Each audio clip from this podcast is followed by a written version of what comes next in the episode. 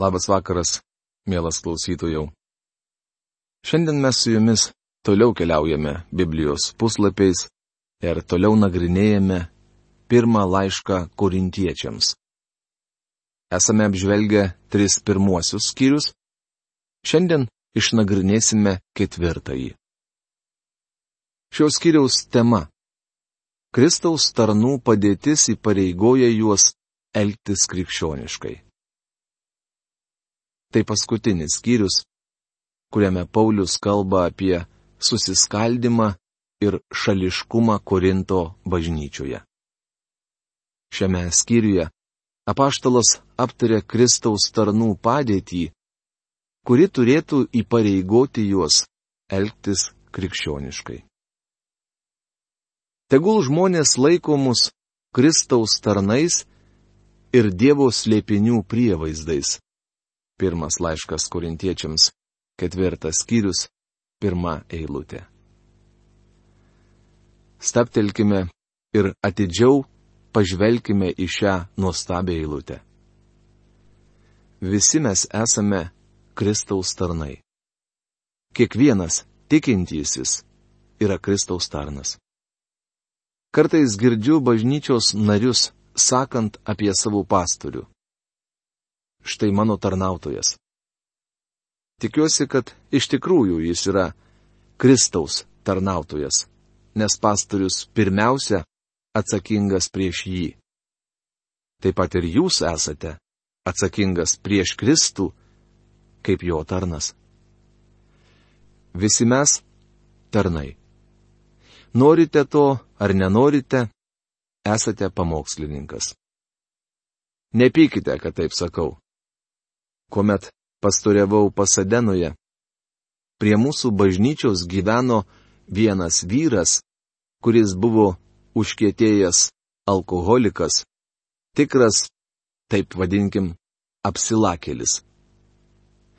Jis gyveno kartu su savo motina, nuostabia krikščionė. Ši ponia paprašė, kad aš pasikalbėčiau su jos sunumi. Vieną dieną išvykęs jį šlitiniuojant gatve, parsivedžiau į savo studijų kambarėlį.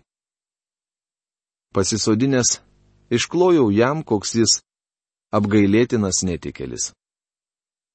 Žmogus sutiko su viskuo, ką jam sakiau. Tuomet tariau, ar žinote, kad esate pamokslininkas? Jis to jau pat pašoko nuo kėdės ir išpiškino. Nevadink manęs taip, gausi į nosį. Tas vyras leidosi vadinamas girtuokliu ir alkoholiku, tačiau nenorėjo, kad vadinčiau jį pamokslininku. Kągi, visi mes esame pamokslininkai. Taip jam ir pasakiau. Savo gyvenimais mes skelbėme žinę. Ir jūs, savo gyvenimu sakote kažką pasauliui bei tiems, kurie jūs supa. Norite to ar nenorite? Aš gyvenu jums, o jūs gyvenate man. Mes darome vieni kitiems įtaką. Bičiuli, jei jūs tikintysis, esate Kristaus tarnas. Kokią žinę skelbėte? Pastebėkite, kad Kristaus tarnas yra Dievo slėpinių prievaizdas. Pauliaus dienomis prievaizdas prižiūrėdavo šeimininko namus.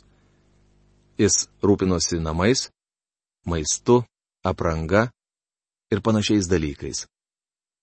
Prievaizdas išduodavo namiškiams viską, ko jiems prireikdavo.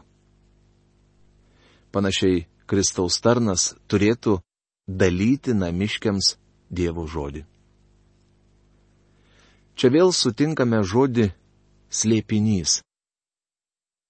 Prisiminkite, jog slėpinys yra tai, kas nebuvo atskleista anksčiau, tačiau dabar tapo žinoma.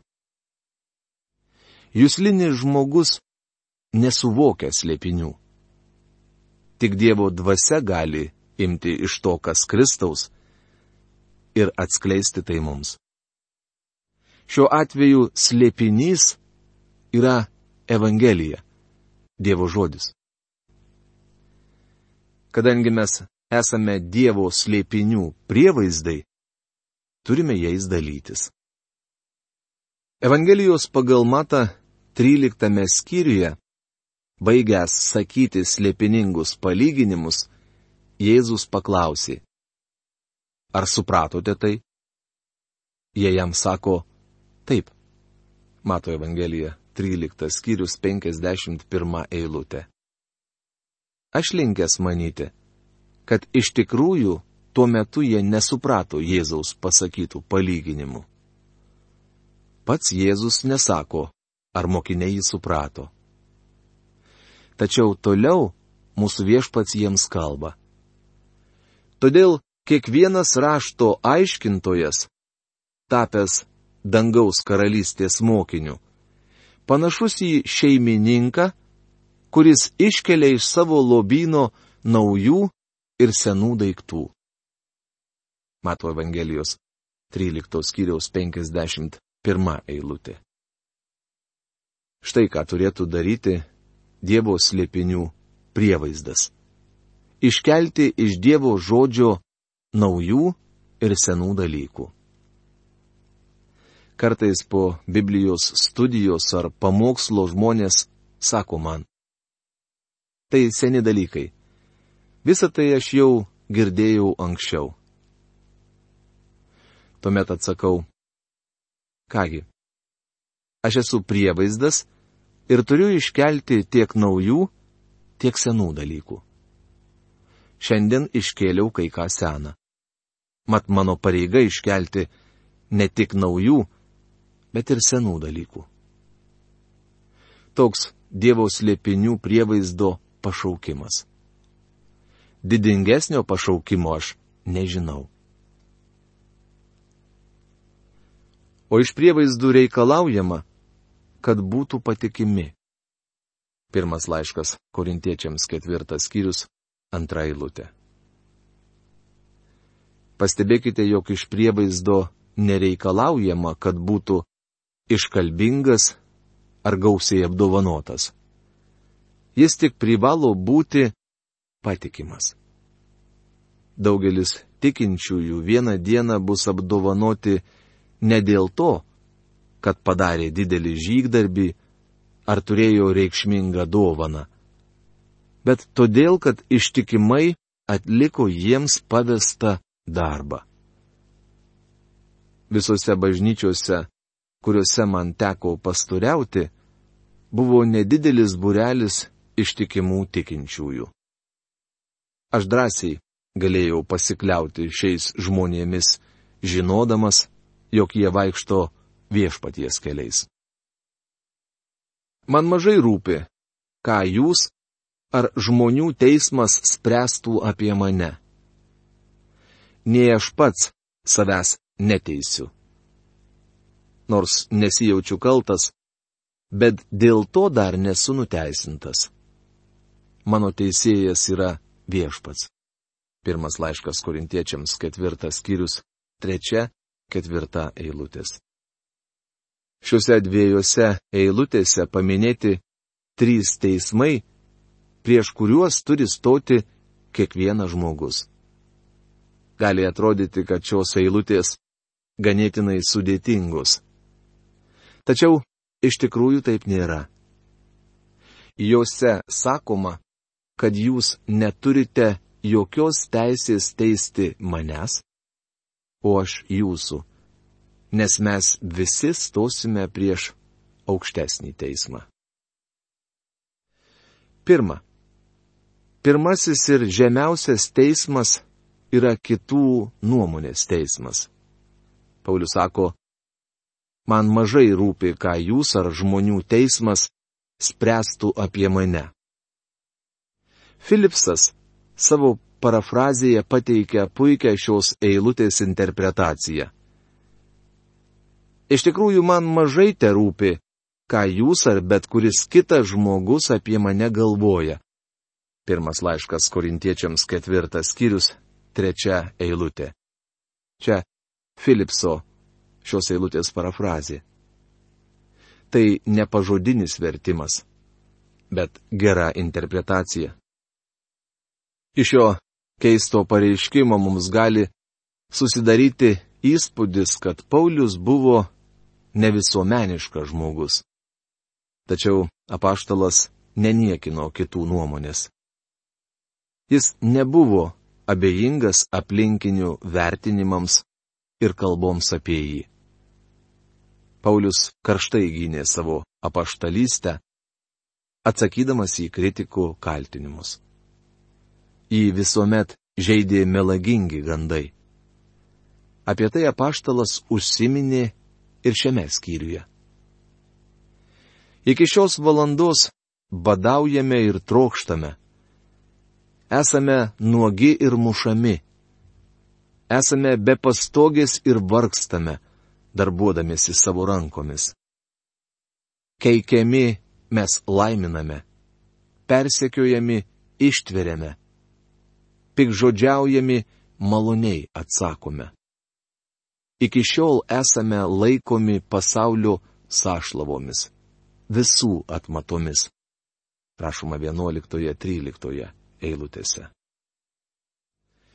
Matome, kad Paulius labai jautriai reagavo į kitų nuomonę, tačiau nesivadovavo ją savo gyvenime.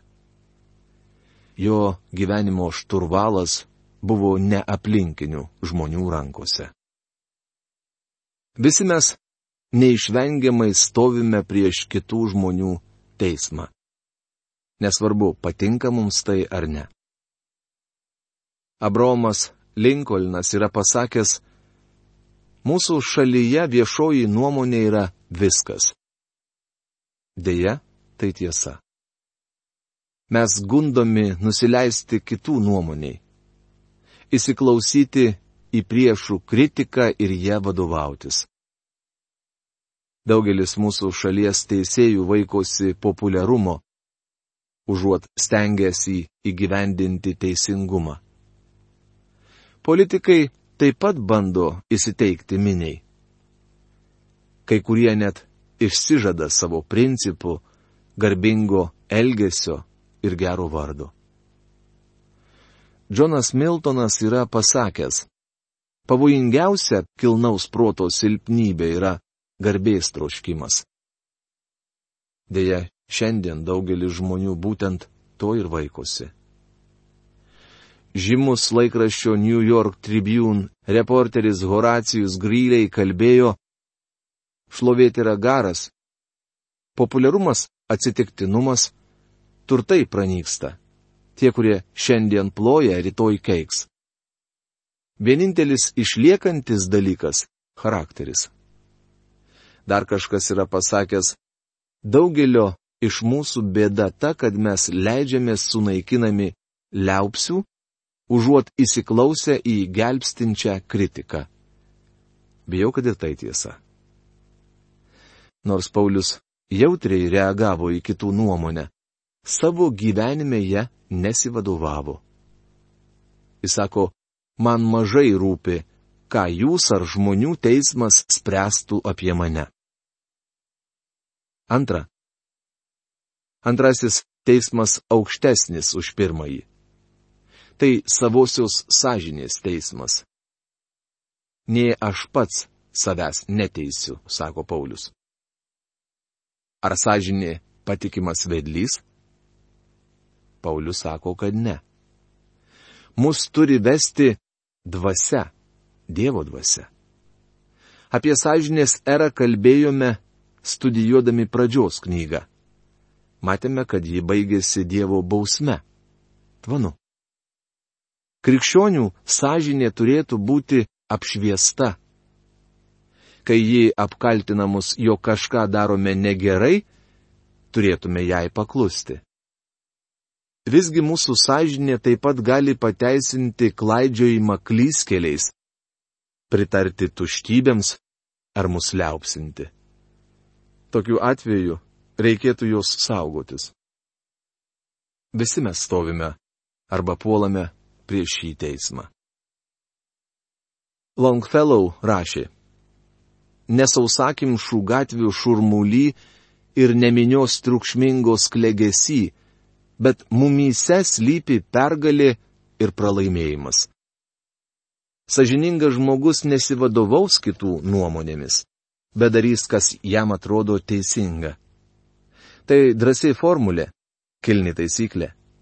Visgi Paulius sakė, kad jis ją nesivadovavo.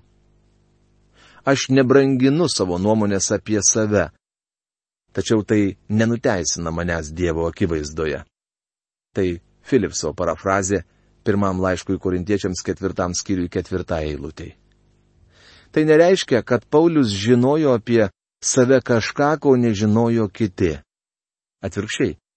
Apaštalas sako, kad nieko blogo apie save nežino, tačiau dėl to vis viena nėra nuteisintas Dievo akivaizdoje. Mūsų žmogiškai prigimčiai būdinga griežtai vertinti kitus ir teisinti save. Tokia buvo ir Davido bėda. Jis išvelgė blogį kitame, bet savyje jo nematė. O kaip mes? Žmonės, kurie atkakliai laikosi kažkokios nuomonės, mes vadiname vaidingais. Tačiau kai patys tai darome, tik drąsiai reiškiame savo įsitikinimus. Kiti kelia susiskaldimą ir drumščią ramybę, bet mes kovojame už teisybę. Kiti retai apsilanko Dievo namuose, nes yra atsimetę nuo tikėjimo. Bet mes turime tam rimtų priežasčių. Mes nelinkę griežtai vertinti savęs. Ne. Mes nestovime ir nepuolame prieš save. Dievas gali pakeisti šio antrojo teismo, tai yra mūsų sąžinės teismo sprendimą. Trečia mes turėsime stoti ir prieš trečiąjį teismą. Mano teisėjas yra viešpats, sako Paulius. Aukščiausiajame teisme mus teis vienas vienintelis šeimininkas. Kalbu apie blemą. Kalbu apie bemą. Kristaus teismo krasę. Paulius sako, kad vieną dieną stos prieš Kristaus teismo krasę.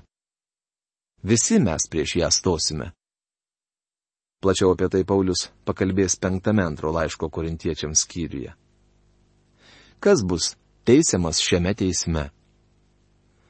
Mes žinome, kad nebūsime teisiami už savo nuodėmes, nes tikinčiojo nuodėmės išsklaidytos taip toli, kaip toli rytai nuo vakarų, rašoma 103 psalmis 12 eilutėje mūsų nuodėmės uždengtos Jėzaus Kristaus krauju ir Dievas jų neprisimena. Tikintysis bus teisiamas kaip prievaizdas.